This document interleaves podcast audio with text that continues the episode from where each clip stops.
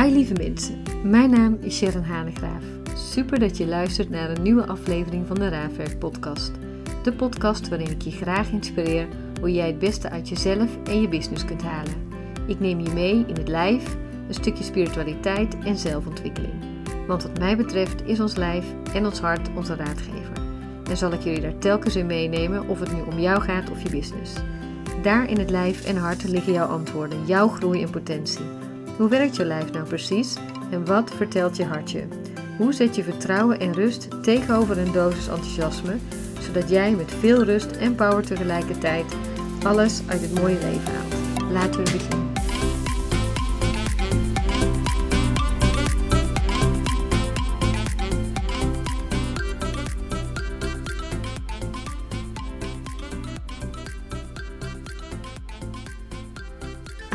Lieve mensen, super fijn dat jullie er weer zijn. En ik vind het zelf ook best wel fijn dat ik er weer ben, want mijn stem is afgelopen week weg geweest.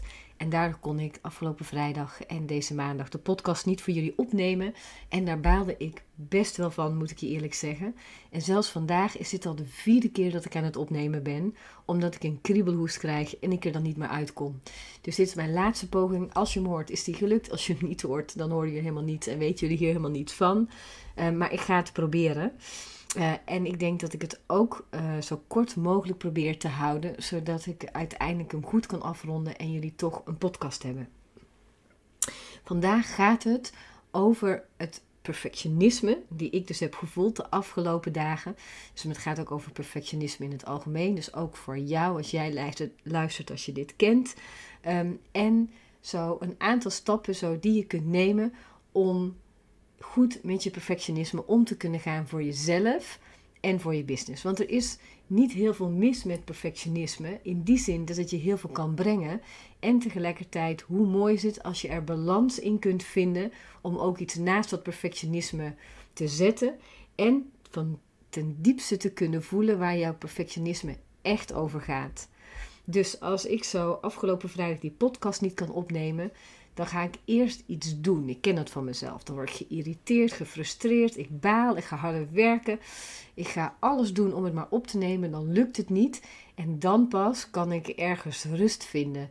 Dan pas kan op een gegeven ogenblik mijn lijf ontspannen en me bedenken dat de wereld niet vergaat als de podcast niet opgenomen wordt. Alleen er zitten wel een aantal stappen tussen. Het allerbelangrijkste, en dat is de eerste stap, en zeker als je een perfectionist bent, denk even met me mee hoe deze stappen jou kunnen helpen. Maar de allereerste stap is toelaten van het gevoel.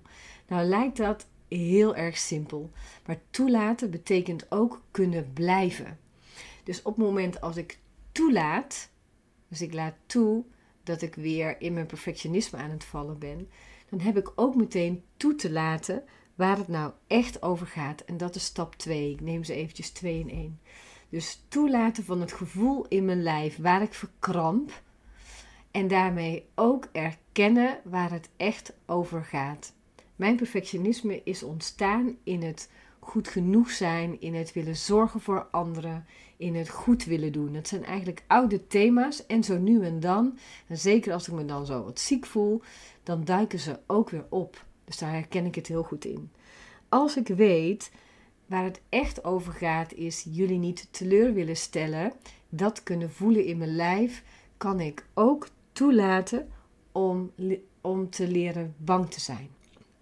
Ik zeg dat heel vaak tegen mijn deelnemers in de opleiding. Leer eens bang te zijn. En dan gaat het niet over om in een hoekje bibberend te zitten bang zijn. Maar wel als ik het gevoel toelaat van genoeg zijn of niet voor de ander kunnen zorgen en daardoor heel hard werken om het wel te doen. Genoeg zijn en daardoor nog harder te werken om goed genoeg te kunnen zijn, om iets te fixen, om, nou, het kan van alles zijn. Staat daar tegenover leren bang zijn. Want als ik het gevoel van bang zijn wat daaronder ligt kan toelaten, dat ik niet alles um, kan bepalen, hè, dus gaat het over controle dat ik er niet alles aan kan doen om alles goed te laten verlopen.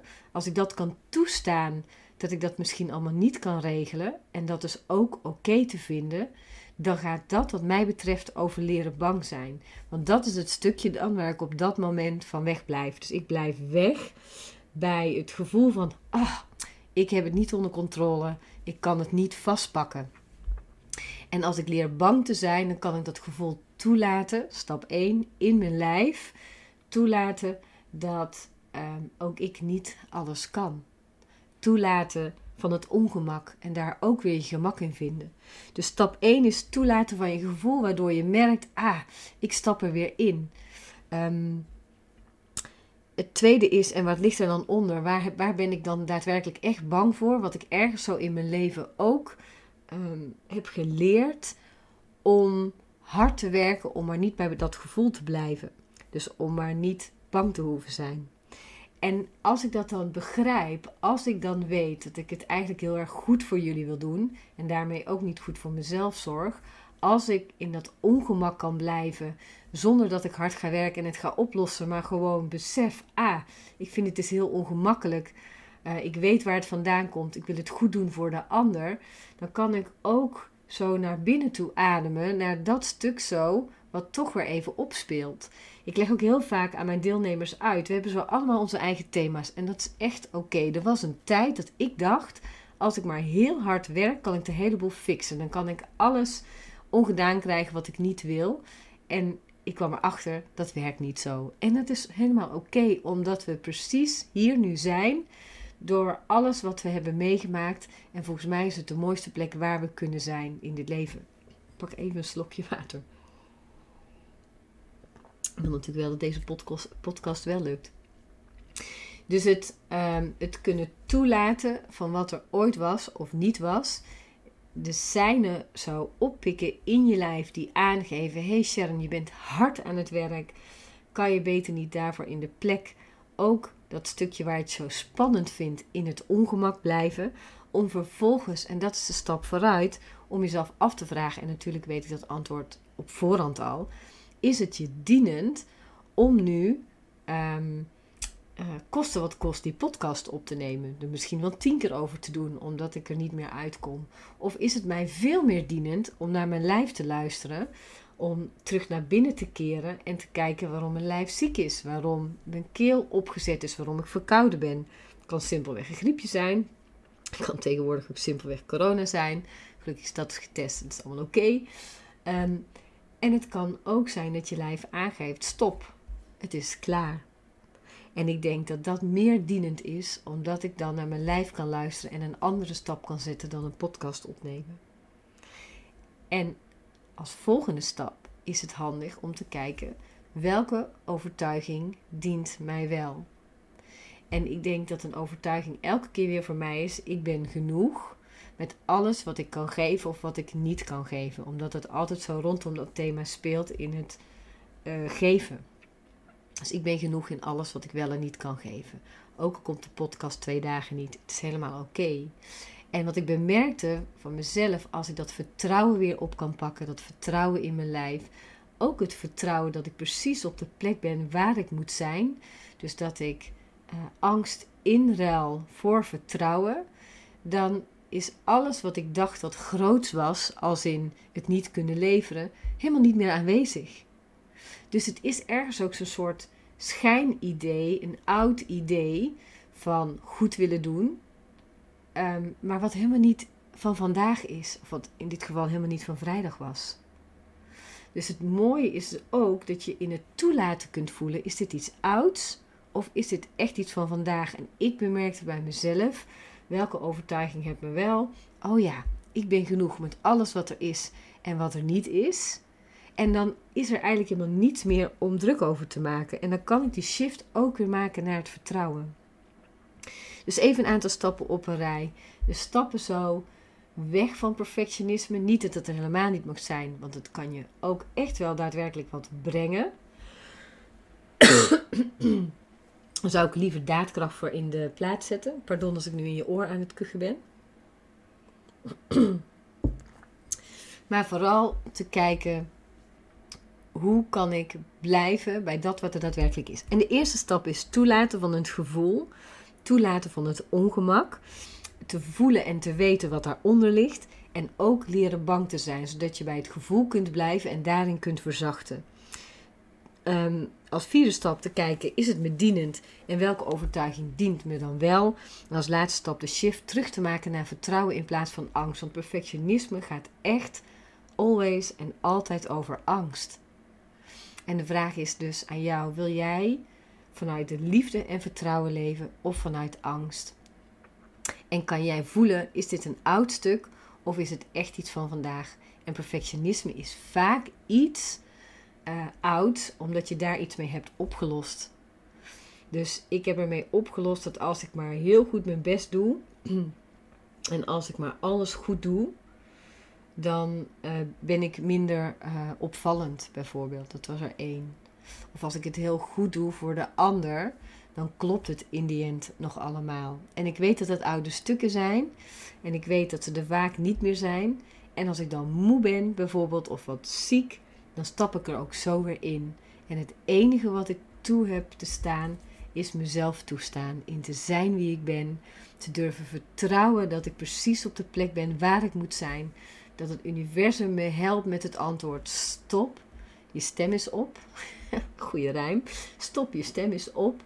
Keer eerst eens terug naar binnen. Kijk eens wat je te doen hebt. Voordat je weer je podcast gaat opnemen. Voordat je je weer richt op de ander, maar richt jezelf eerst naar binnen toe. Ik hoop dat ik je hiermee heb kunnen helpen. En ehm, ik zou het tof vinden als je dit ook kan delen. Als je misschien nog iemand kent die perfectionistisch is.